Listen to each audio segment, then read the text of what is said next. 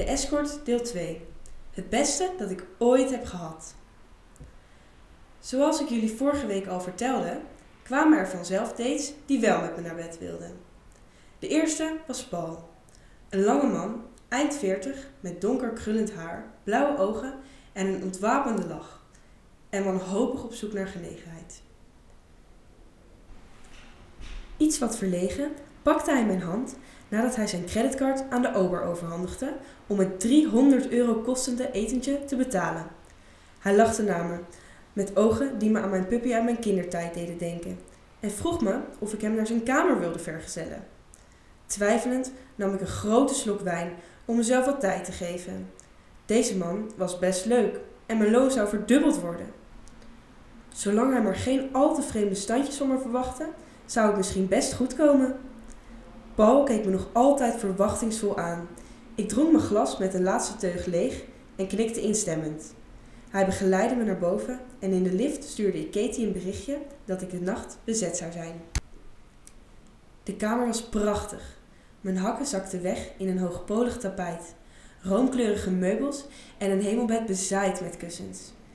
Terwijl ik me even terugtrok in de badkamer om me op te frissen, voelde ik de twijfel afnemen. Met een hernieuwde vlaag van zelfvertrouwen kwam ik in mijn lingerie de badkamer uit. Paul keek op toen hij de deur hoorde piepen en zijn ogen twinkelden.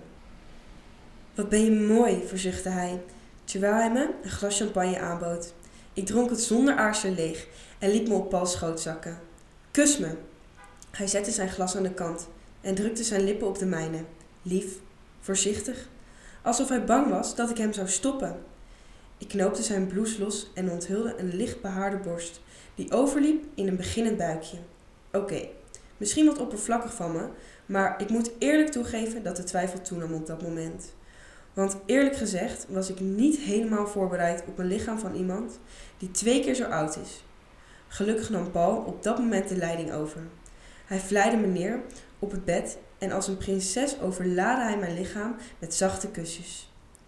Zijn handen bewogen kundig over mijn lichaam, terwijl zijn tong via mijn buik afdwaalde naar beneden.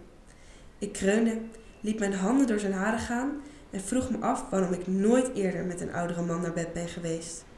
Dit was honderd keer beter dan die klungelige jochies van mijn leeftijd. Plotseling stopte Paul en ik hief verward mijn hoofd op. Smeek me! Wat? Smeek me om je te nemen. Heel even wilde ik een brutaal antwoord geven.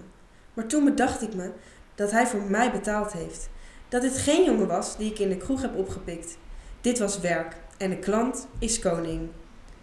Eh, ga door, alsjeblieft. Ik voel het schaamrood op mijn kaken branden. Kom op, Isa, sprak ik mezelf vermannend toe. Ik wierp een blik in de oneindige blauwe ogen en voelde de aantrekkingskracht die onzeggelijk aanwezig was. Paul boog zijn hoofd en drukte een paar plagerige kusjes aan de binnenkant van mijn been. Alsjeblieft, ga door. Ik heb nog nooit zo lekker gehad, smeekte ik met mijn meest sexy stem, terwijl ik verlangend met mijn onderlichaam kronkelde.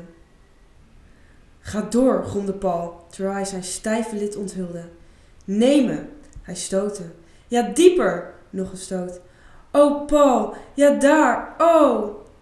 Ik verdronk in zijn blauwe ogen, terwijl hij kreunde. Zeg me dat je van me houdt. Zeg me dat ik de beste ben die je ooit hebt gehad. Ik knipperde even, maar deed wat me gezegd werd. Oh Paul, neem me. Neem me hard. Oh God, ik hou zo van je. Paul kreunde zacht en stootte zich zo diep mogelijk in me. Jij bent de beste die ik ooit heb gehad. En dat laatste was niet eens gelogen, bedacht ik me terwijl Paul met het laatste kreun zijn hoogtepunt bereikte. Nieuwsgierig naar meer van mijn avonturen? Volgende week woensdag verschijnt deel 3 van de Escort. Dan vertel ik over mijn klant Richard en zijn opvallende slaapkamerwens.